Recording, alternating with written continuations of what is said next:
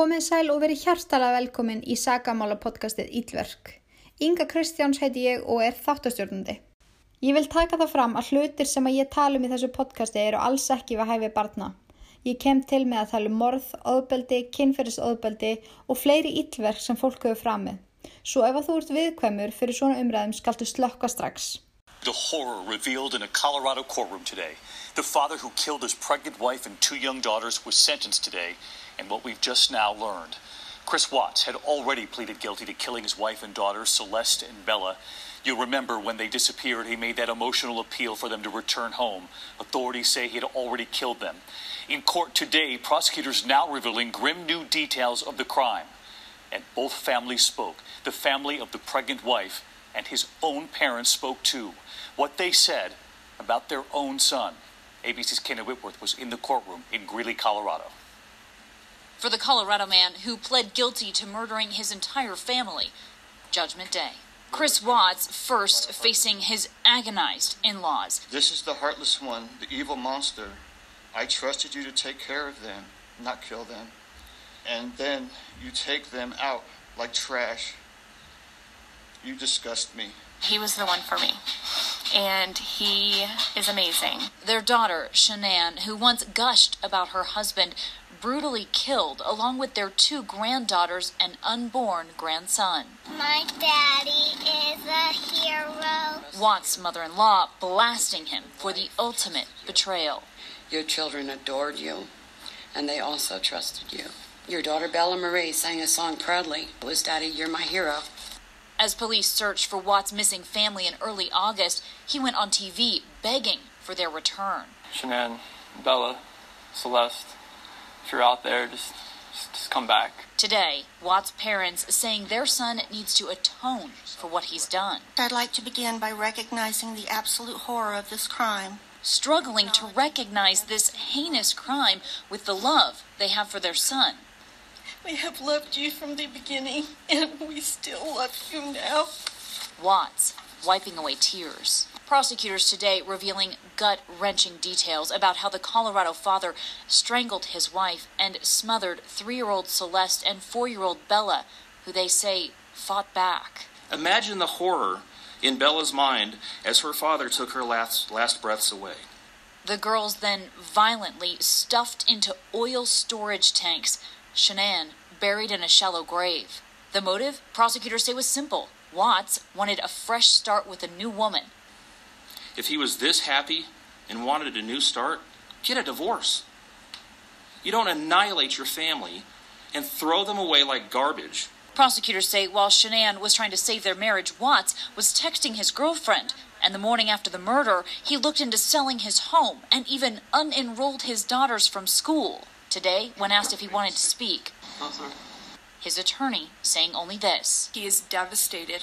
He is sincerely sorry. And with that, the judge handed down five life sentences without parole. This is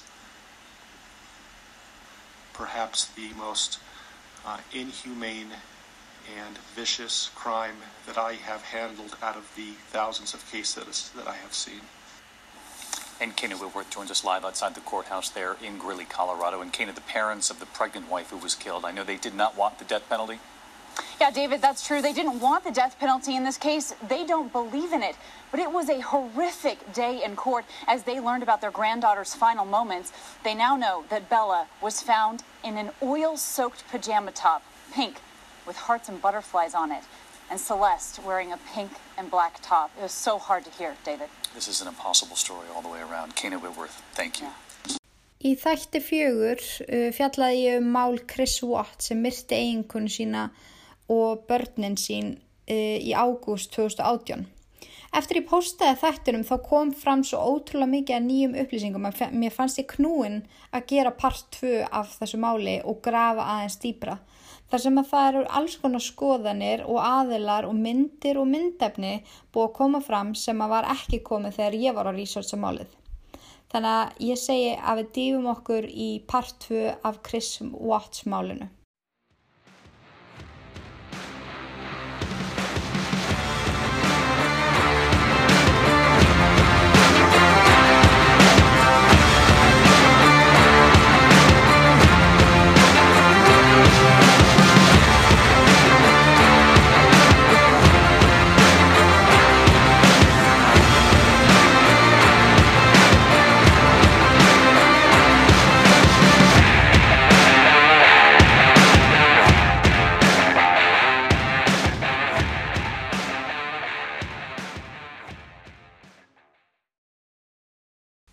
Christopher Lee Watts, 33 ára sem virtist vera að lifa ameríska draumin.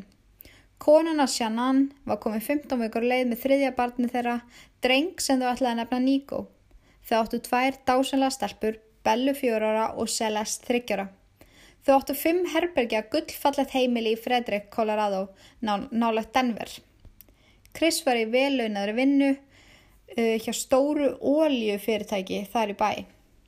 Já, já, þegar maður setur þetta upp svona, þá hljómið verður þetta bara eins og saga úr einhverju bók þar sem er verið að lýsa amerískri fjölskyldu sem bara hefur það virkilega gott. Bara ekkert hægt að setja út á það og út og við lítur þetta bara fullkomlega út.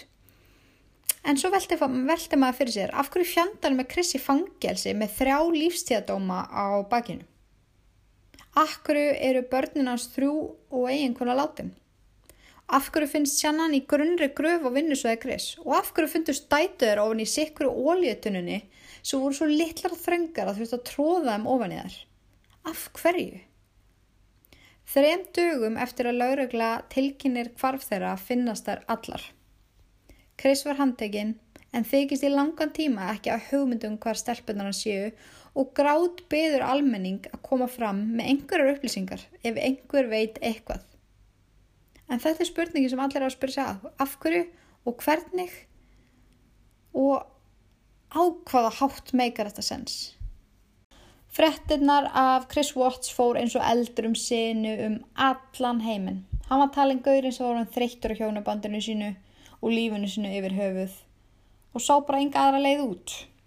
Hann vildi nýtt líf með hjákunu sinni sem hann var aðeins búin að þekki nokkra vikur og hann taldi sig elskana. Börnin hans og konan voru bara fyrir. Hann tók líf fjölskylduna sinnar fyrir nýtt líf fyrir sjálfa sig. Þótt að þetta sé einfaldasta útskýringin þá er svo margt á baku söguna sem er hægt, sem er hægt og rólega að koma upp á yfirborðið daglega. Ég er að segja ykkur að daglega er að koma nýjar upplýsingar um þetta mál og þetta er svo mikið mindfuck. Það er bara þannig. Það sem vakti áhuga minn alveg gríðala er að núna nýverið kom skriflegt statement frá móður Shannan þar sem að hún kemur inn á samband dóttur sinnar við fóröldra Chris. Þeir sem að hlustu á fyrsta þátt munið kannski eftir að, að ég sagði að það hefði verið eitthvað skona leðundi á milli en ég fann í rauninu ekkert um það þú veist á netinu og ég var kannski ekkert sérstaklega spáið í. En eins og ég segið, núna nýverið kom þetta statement frá mömmunar Shannan og það eru ótrúlega margi youtuberar og hérna fólk sem er að velta þessu málu fyrir sér að lesa yfir þetta bref og svona rína í það. Og það er svo magnað akkur hún er að akkur hún er að koma þetta núna veist, akkur fyrst núna? Svona löngu síðar, það fer að detti ár eða kannski ekki alveg en fer að detti allan í það komi allan hálft ár síðan þetta gerðist. En já, eins og ég segi þá hefur þetta snar breyst hérna um að maður get ekki fundið neitt um þessar deilir á netinu. Uh, og ég er búin að finna alveg helling en þegar sagt, þegar Sjannan fór til North Carolina í fjóra vikur eins og ég sagði ykkur frá í ágúst með Bellu og Celeste hún ætlaði bara að fara í sumafrí hún ætlaði að heimsækja ættingja og bara taka sér smá breyk og Chris var bara heima að vinna á meðan en ætlaði svo að koma síðustu vikuna og heimsækja alla líka og þau ætlaði að halda upp á ammaliðinar Celeste sem var að verða þryggjára þess að síðustu viku í sumafríinu. En þú veist þegar þið skoðaði betur þá var Chris bara heima með hjákonu sinni fröken Kessinger eins og hún er alltaf kalluð en hún er þrítu konar sem var að vinna með honum. Og já, maður sjá.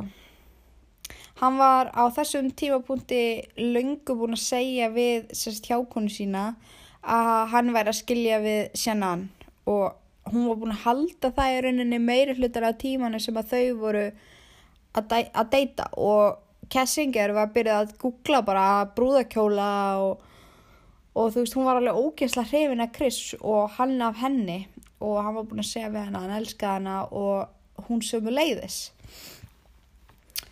En svo er tölum að þessum atveki sem áttu þessu stað þegar sérna heimsótti Cindy og Ronnie Watt sem eru foreldrar Chris.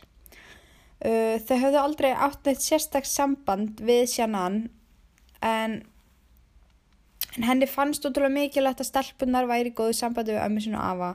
Veist, ég skil það. Uh, Celeste sem er yngri dóttir þeirra var sérst með netóðunum alveg frekar slæmt. Þið veit að netóðunum getur verið bara lífsættilegt. Og Shannon var auðvitað mjög ofinn með að leta alltaf vita hvers þau voru að fara, hvers þau voru að fara í ammali eða einhvers konar, hérna, hittinga þá að hún var með netóðunum að því að þú veist hún mátti heldur bara ekki vera nálagt ykkur sem var með snefilagnetum. Þetta var mega vesen. En eitt kvöldið hjá heima á tengdafóldrum hérna Shannon fær Celeste þessi slæmu öðnumis viðbröð og Shannon var auðvitað bara mjög hrætt og spurði hérna tengdafóldrar sína hvort að þau viti hvað hún var að láta ofan í sig. Og Cindy segist hafa gefið henni heiselnött ís af því að hún var að, veist, hún var að fá sér heiselnött ís og gaf henni með sér. Shannon náttúrulega bara trillist skiljanlega og segir við tengdamöðu sína að hún veiti fullvel að sísi sér með ornami og þetta kvöld eða svona þrjum, já, cirka þrjum nóttina þá sendir sérnan Chris skilaboð. Það kemur ekki fram hvort þetta sé á Messenger eða hérna í SMS að skipta svo mjög máli. En hún var bara í miklu uppnámi. Hún hefur auðvitað bara þurft að deila reyðið sinni með ykkur og hverjum langar að deila reyðiðinni með og áhugjum auðvitað með manninðinum sem á að vera besti vinniðin líka. En þetta eru ótrúlega laung skilabóð og ég er bara nýbúin að sjá þau og mér finnst þau segja svo ótrúlega mikið. Um, ég ætla að lesa þau fyrir ykkur. Þegar mér endilega láta mig vita hérna hvað ykkur hvað, þið, hvað ykkur finnst um þetta mál inn á Ílverk Facebook-grúpunni. Því að mér finnst þetta uh, allt sem er að koma fram núna. Mér finnst þetta seriously breyta uh, við vitum öll að Chris er segur, það er bara 100% þannig en það er svo margt sem að er að bætast inn í sem kannski fær mann til að hugsa þetta öðruvísi, fattið mig. En já, ég ætla að lesa þetta bref fyrir ykkur og hlustiði vel. Sérna hann sendi Chris. Chris, viltu ringa í pappaðin og segja honum að það sé ekki lægi að mammaðin skulle setja líf dóttuðunar í hættu. Segðu honum líka og þólar ekki hvað hún er alltaf að stríða en böggast í þeim og skamma þér. Hún hefur núl réttaði. Chris tekur málstað eiginkonu sinnar og svarar. Ég skal ringja og segja honum hvað mér finnst um þetta. Þetta er ekki í fokkin lægi. Það er ekki í lægi að koma svona fram við börnin. Þarna var sjannaðan algjörlega á söðupunkti með tengdafóldra sína og einni allt sem var í gangi hennar eiginlífi með mannin sinn. En það sem setti punktin algjörlega yfir yfir var þegar Cindy og Ronny, fóreldra Chris, mættu ekki í þryggjára ammaliðana Celeste og blokkuðu bæði sjannaðan á Facebook. Þarna var henni algjörlega nóbóðið og hún sendir Chris langt og ákveðið um, SMS.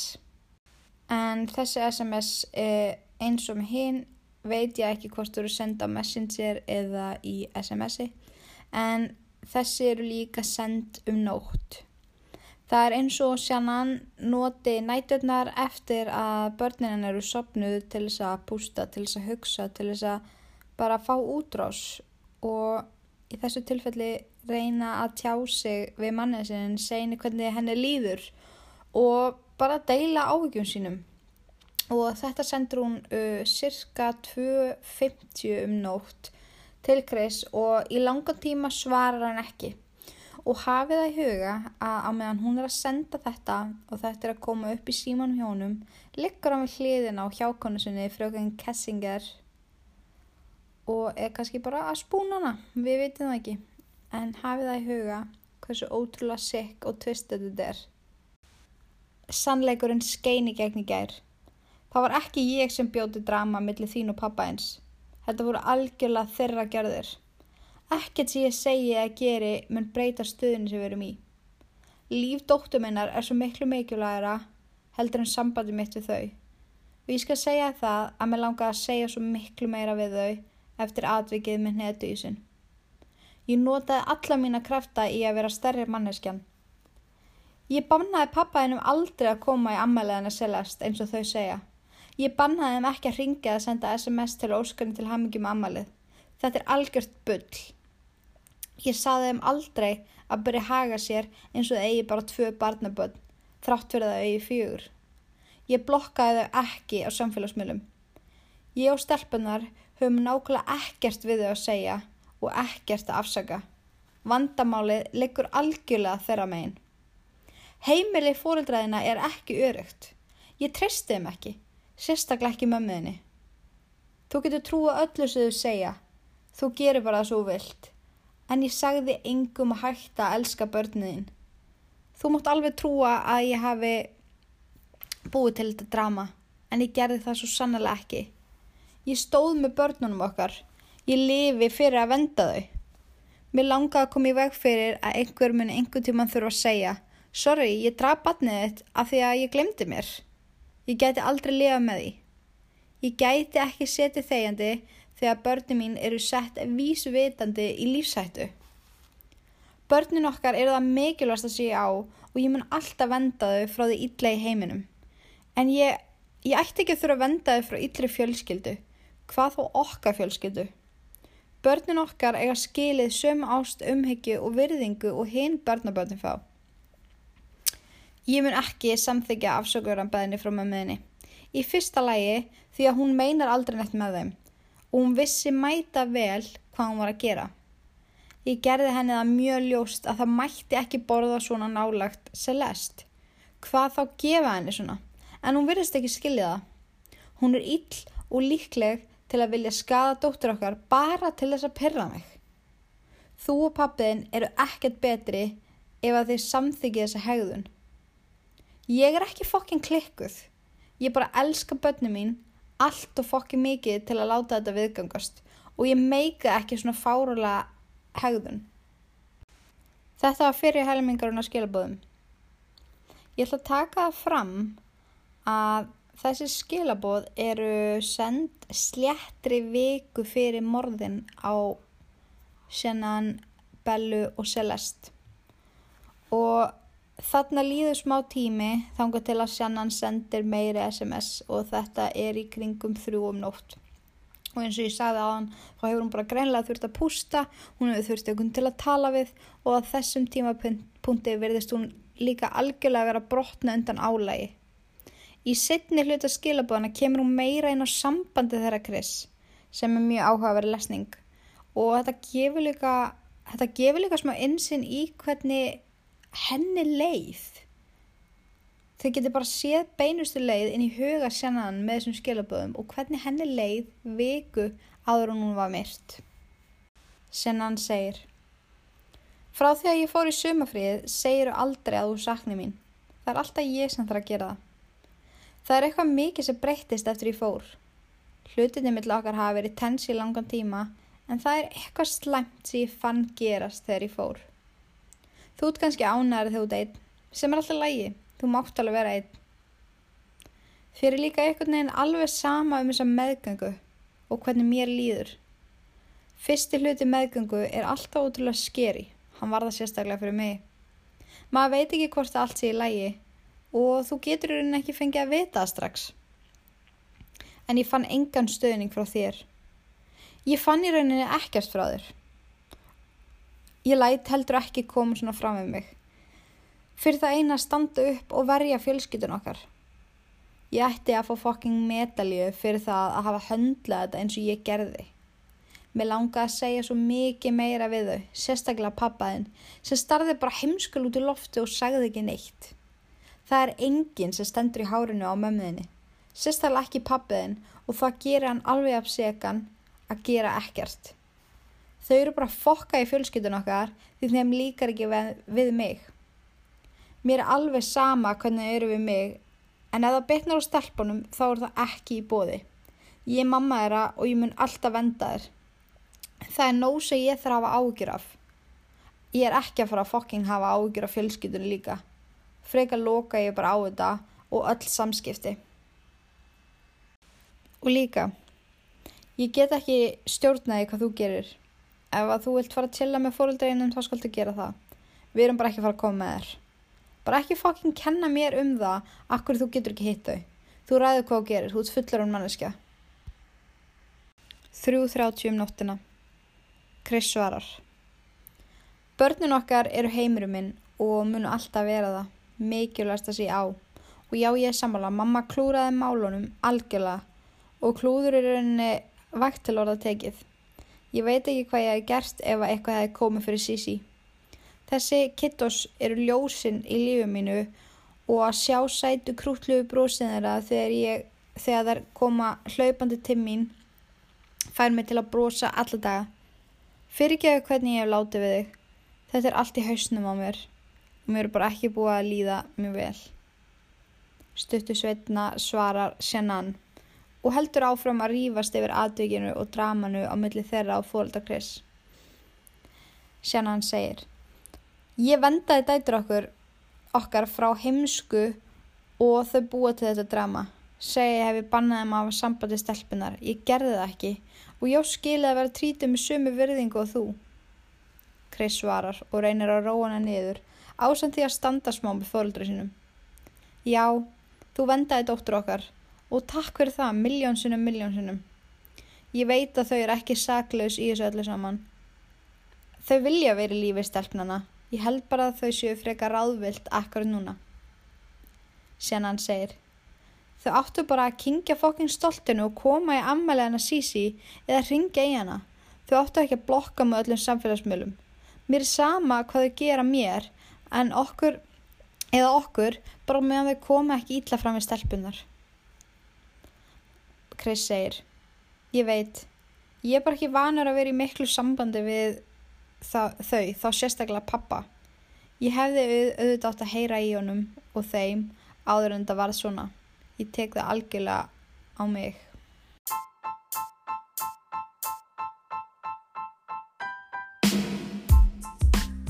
Sponsor þáttarins þessa veikuna er leanbody.is Æ, hann ennir enginn að hlusta auðlýsingar. Skelltuðu bara á leanbody.is, notaðu kóðan Inga Kristjáns og gerðu geggjukaup sem tryggja þér hámars árangur. Leanbody, þín markmið, þín grein. Það sem að þið heyrðuð hérna á undan auglýsingum voru þess samræður á milli Shannon og Chris. En þegar vinur Chris mist þetta mjög áhugaveru punktur. Þegar vinur Chris er yfirheyrður eftir uh, morðin, þá kemur fram allt önnur útgáfa af þessu drama. Uh, þar kemur fram að mamma Chris hafi hringt grátandi í Chris eftir hún reyfst við Shannon og sagði henni uh, já, að hann hafi sagt við hanna að hafa engar ágjur og verið ekkert að spá í þessu því að þetta væri búið á milli þeirra og hann væri að ganga frá síðustu skrifunum að skilnaði. Þessi sami vinur segir að mamma og pappi Chris var eitt vinilegasta fólk sem hann hafi nokkur sem heitt. Um, mér persónulega líður eins og um, þetta allt saman hafi haft miklu meiri áhrif á Chris heldur en margir halda. Um, hann hafi alltaf verið mömmustrákur sem er fægt og að sögn fjölskyldumedlema hafi hann alltaf verið ótrúlega kursteis, góður og svona hlýðin strákur alveg síðan hann var lítill. En að það hafi verið þannig að mammans reyði heimilinu. Pappans og Chris og bróður Chris hlýtu því sem hún sagði. Þeir voru svona nokkuð skora undirtillur eins og maður segir. Ef að ég útskýri hvað undirtilla er, þá er það þannig að þú hlýðir það sem aðri segja og þú í rauninni fílar það og já, fílar það kannski ekki, þú er bara vanur því og það er bara það sem þú kant er að vera svona undir og svona já, bara vanur því að láta stjórn frá öðrum undirtilla getur haft svo ótrúlega marga þýðingar að þetta er svona væg útskýring. Um, síðan kynnist Christian Ann sem er andstan við mömmans fattiði mig. Hún þarnast hans hún kem og hún sjálf kemur stundum út eins og undirtilla svona þegar þið hlusta á vídjóin uh, af sérnaðan þar sem hún er að tala um Chris þá, þá dyrkar hún hann, hún dáir hann hún bara dáir jörðina sem hann gengur á og, og hún, hún henni finnst hún vera svo ótrúlega heppin með að eiga Chris skiljiði mig. Á meðan Chris er kannski vanur að hugsa að ég er svo ótrúlega heppin að ég þetta líf sér á. Þannig að ég held að Chris hafi leita meira í konur sem að stjórnuðu honum en, en honum tókst þannig einhvern veginn að falla fyrir sjannaðan á þessum tímambendi en síðan ef við tölum að þessum hjákonu Chris þá er hún ótrúlega lík týpa og mammans. Um, það var hún sem að vildi endalust svona að fá space og bara æ, ekki núna verðstu með börnunum og ef að þið hlusti á viðtöl við hana þá hljómar hún eins og manneskinu sambandinu sem að einmitt stjórnaði.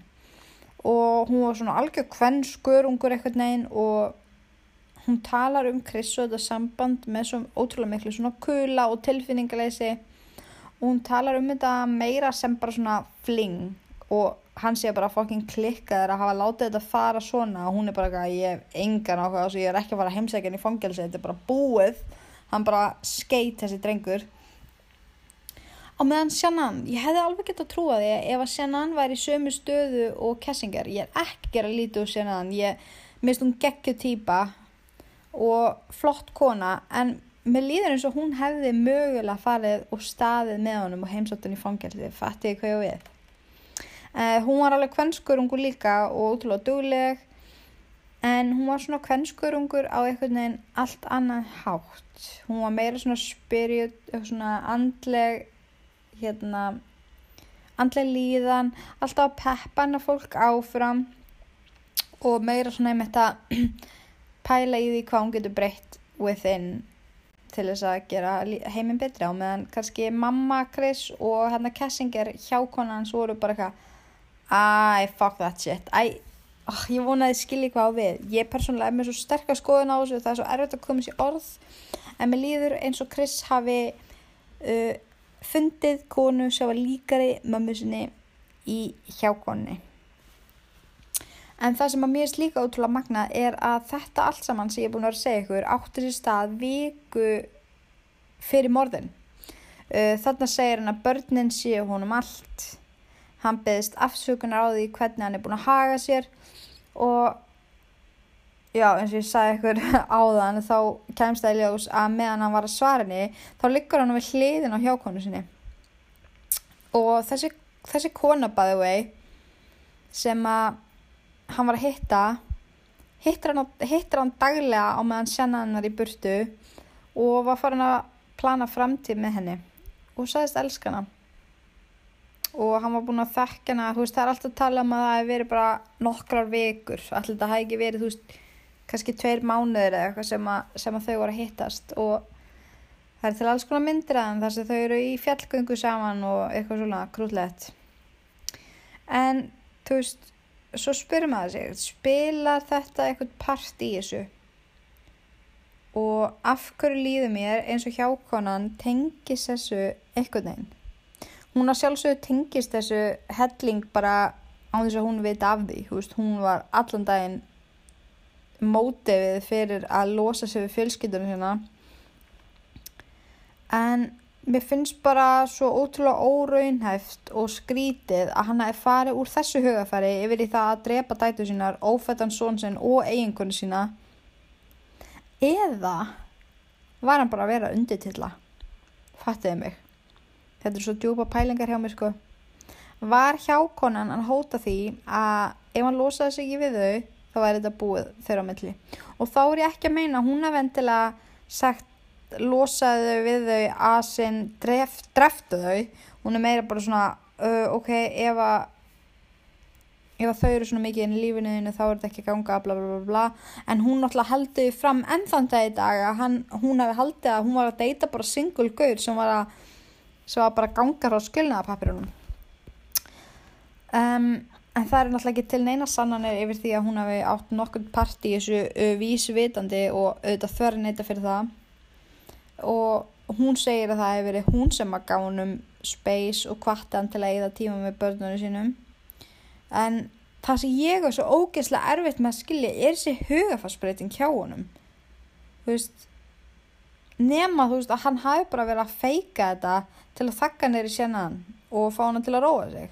Af því að ég er líka búin að vera að rýna í, í hérna vídjóin af uh, Shanana Facebook þar sem að glittir svona í Chris og mér finnst í alvörinu, mér finnst ég sjá það í augunum á honum að hann þólar hann ekki. Mér finnst bara eins og ég sjáu hvað hann er að hugsa. Hann er bara eitthvað, fokk, ég nennis ekki.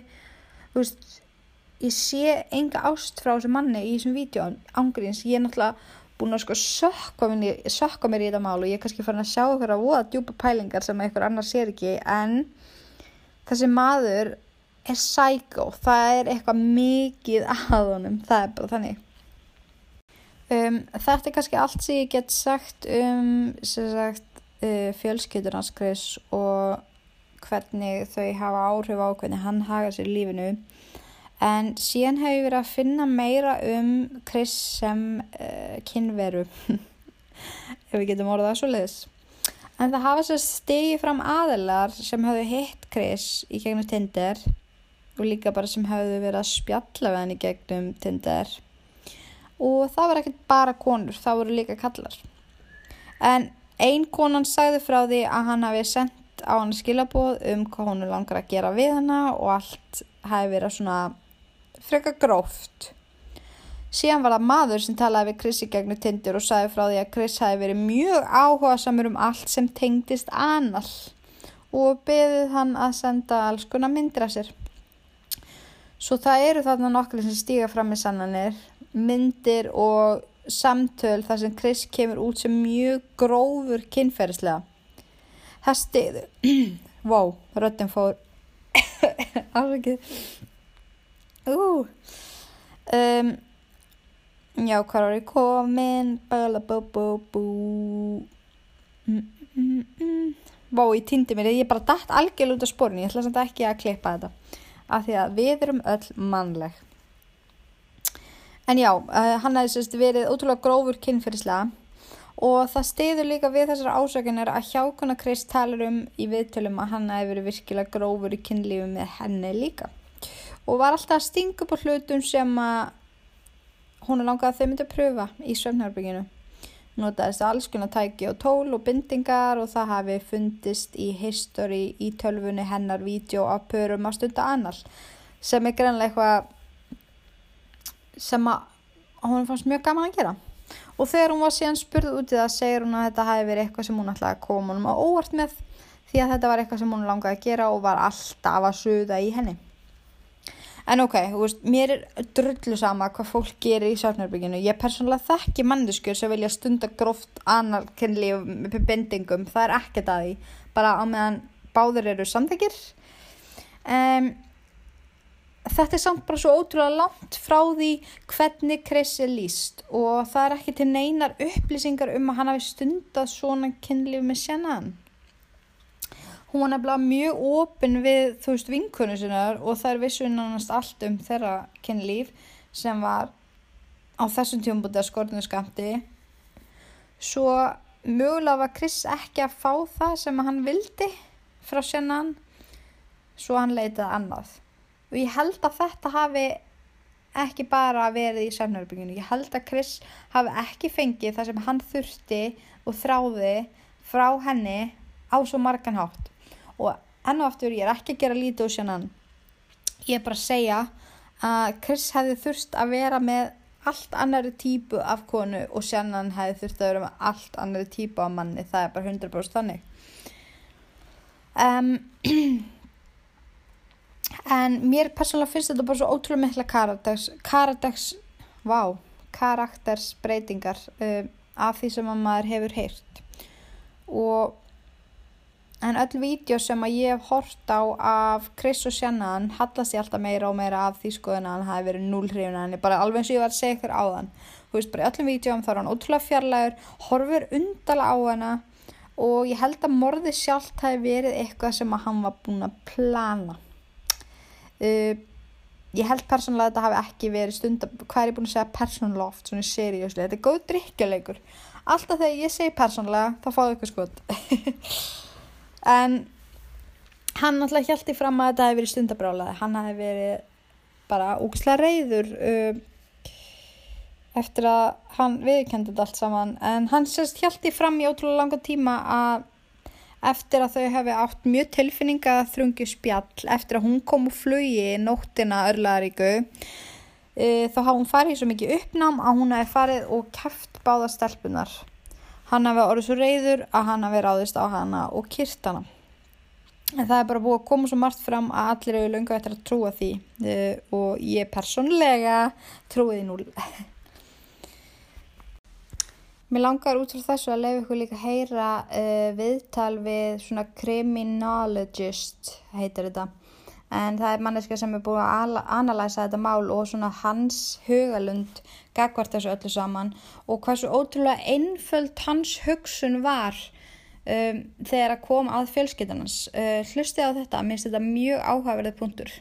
And as we all wait to understand why these lives were taken, we are hearing tonight a new perspective from a criminologist. Good evening. I'm Shannon Ogden. And I'm Ann Trujillo. Denver 7's Jacqueline Allen spoke to that expert about this tragedy and what we could see from Chris Watt's defense. I think he had a vision of another life with this other woman, carefree, no responsibilities. Dr. Denise Mauder has some theories about why a man who seems so normal could change so completely. There's some secrets there, I'm afraid. She's worked with thousands of victims of family violence as a former prosecutor and MSU Denver criminology professor. Case studies of fathers killing their children show it's most often out of rage or revenge against the spouse. But this case is rare. And I was pretty surprised that he didn't kill himself too. Oftentimes it goes in a pattern. If you're out there, just just come back. The fact Chris Watts went on camera to plead for his children's lives after he knew they were dead is, to her, a sign he planned to blame an intruder, play victim, start a new life. But the investigation quickly centered on him.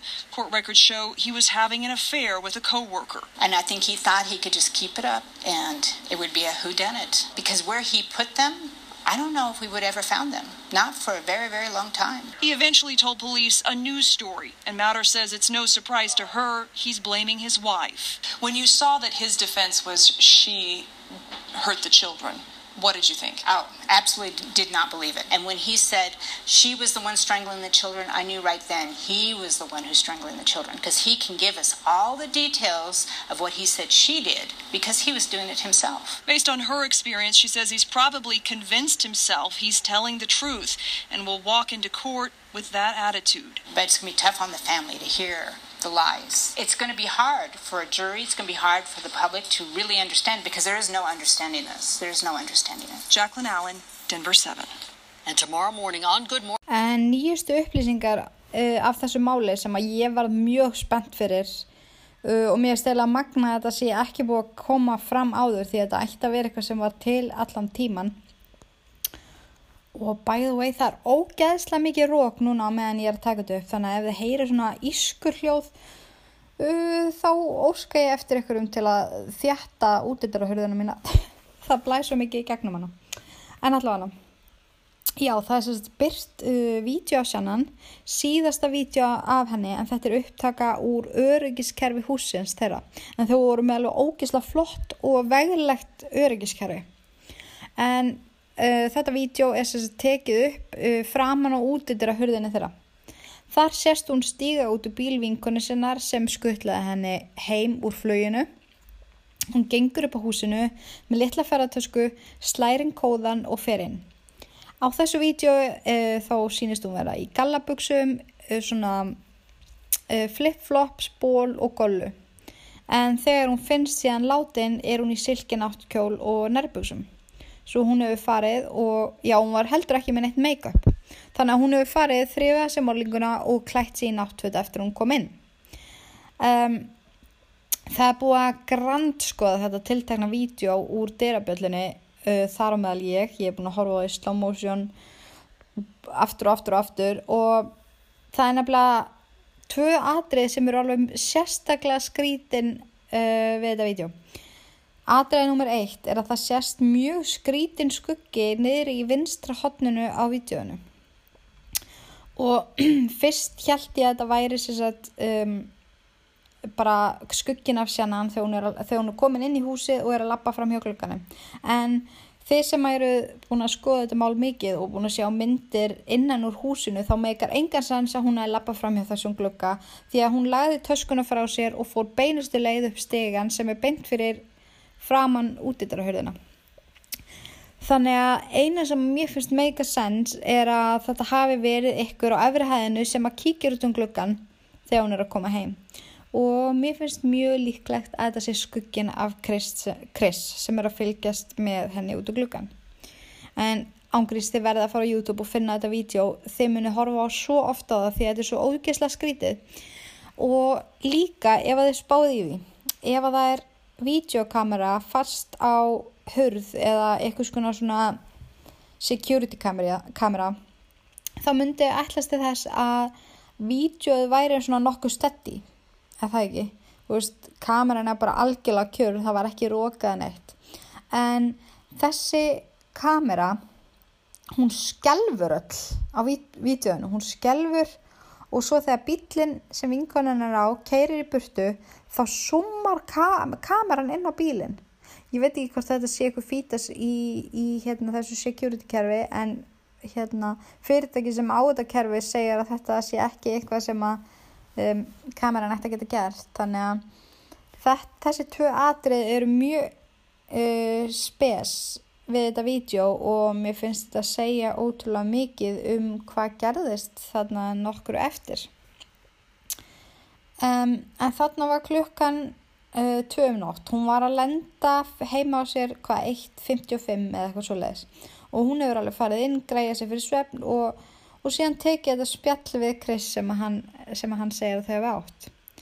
En þarna er talið að yngri dóttir þeirra hafi verið uppi hjá þeim. En það er hins vegar deilt um það hvort að hún hafi verið lifandi eða dáin. Því eins og hann sagði og ég sagði ykkur í fyrir þetta þá kom hún upp á miðnætti og vekti pappa sinn og spurði um mömmu sína. Sumi segja hann hafi kæft hana þá strax en aðri segja að hún hafi sofið bara uppi hjá hann og hann alltaf heldur því fram. Um, kom sjannan upp í rúm og sá dóttur sína látna og hann ræðist á hana um, þú veist, mér finnst þetta einhvern veginn ekki meika sens þessi atbyrðar ás og ég er að deyja innan. Mér langar svo að vita hvað gerist þannig og þú veist, hvernig getur maður sem segir að börni sín séu ljósið hans í lífinu myrt þau tróða þeim síðan ofan í allt of litlar óljötunnur við erum að tala um það að ólíutunnar voru það litlar að henni þurfti að þvinga þeim ofan í þær Hvist, hvað þarf að gerast í huganiðinum svo þú getur gert svona? Síðan fer hann bara í vinnuna og þykist eins og ekkert sé. Og frá því að hann faldi líkin var hann stanslust að senda skilabóð á hjákonu sína. Það hefur verið sann að það eftir á. Bara hann elskaði hana og bara var og hún segir frá því líka setna meira að þetta voru brúsla vennilega SMS og hann var bara láta þessu ekkert væri, hann væri bara í vinninni og hann sagði að fjölskyttur hans væri farin á eitthvað playdate hjá vinkunu sérna og hann er það einn heima í hátteginu mm, hint hint. Ætlaði hann í alvöru, þú veist í alvörunni, ætlaði hann í alvörunni að þurrk út lífsitt og byrja algjörlega upp og nýtt, þú veist, er það bara svo leiðis og ætlaði hann þarna þegar hann segist vera einn heim í hátteginu að beða hann um að koma heim til sín. Þar sem hann var nýbúin að drepa fjöl, húst, í, í seriously. Maður hefur engin orð maður hefur engin húst, oh, þetta er svo mikið oh, þetta er svo mikið mindfuck. En eins og ég sagði ykkur á hann þá var, þá var Chris búin að deyta Kessinger þarna í nokkra vikur. Og hann var tilbúin að fórna fjórum lífum og átta árum fyrir nokkra vikur. En til að forðast dauðadóm viðurkennir Chris að hafa myrt sjannan Bellu Celeste og ófættan són þeirra Nico. En hann fær á sig þrefaldan lífstíðadóm í fangilsi. Kessinger, hjákonans, vil ekkert með hann hafa og einu manneskjöndar sem að heimsækjan eru fóldrans sem stiðja baki á sinni sínum. En ég var líka að lesa greinum það hvernig Chris hefur það í fangelsunum ég aðst það ógeðslega fókt upp það er alveg fullt af greinum bara eitthvað how is Chris going in prison?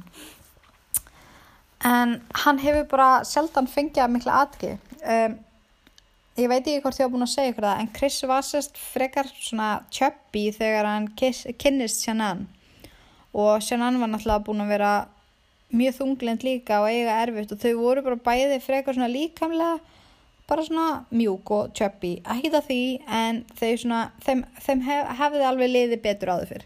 Og þau voru sérst bæði búin að taka sér útrúlega mikið í gegn og Chris var alveg komin í sjúklega gott form. Ég held að hann hafi ekki fengið hérna þú veist ég held að hann hafi sérst þurft svo ótrúlega mikla aðtegli frá því að vera Chubby Chris yfir því að vera bara ógeðslega, hann var alveg ógeðslega og er mjög myndalegur, það er bara þannig í góðu formi. Og eftir að hann fór í fangilsi þá hefur hann bara sjaldan fengið að mikla aðtegli sem er mjög fókt upp en þá dælast inn bara bref til hans og konur að beða hann um að vera pennavinnir og fá myndir og eitthvað þannig og það er að komin það mikið að brefum í fangilsi að fangilsi þarf að skamta þetta til hans. Þetta er bara það mikið. Og þetta er bara konur sem vilja heimsækja hann og hann er talin kynþákafylsti fjöldamorðingi bandaríkina jöpp, það er til skoðanakonun og það er mjög fakt upp um, wow, ég get ekki. Um, en þetta er já, setni pastur á máli Chris Watts það sem ég fór aðeins dýbra í baksöguna. Mér fannst ég knúin til að deila með ykkur þessum upplýsingum sem að ég er búin að uh, lesa núna eftir að ég uppgötaði sem sagt eftir að ég postaði hinn þættinum sem var hérna undan. Ég var bara, dammit það er að koma svo mikið um ég hefði geta haft hinn þáttinu miklu lengri þannig að ég geri bara part 2 og svo geti líka alveg verið að ég geri part 3 eitthvað mann setna eftir nokkra þætti af ykkur öðru því að með að við hvað er búið að koma mikið af upplýsingum núna þá get ég alveg trúið að það er alltaf haldið bara áfram að gerast og vonandi bara viðkennir hann meira og, og segir meira frá atbyrðarásinu sem gerðist inn í húsinu.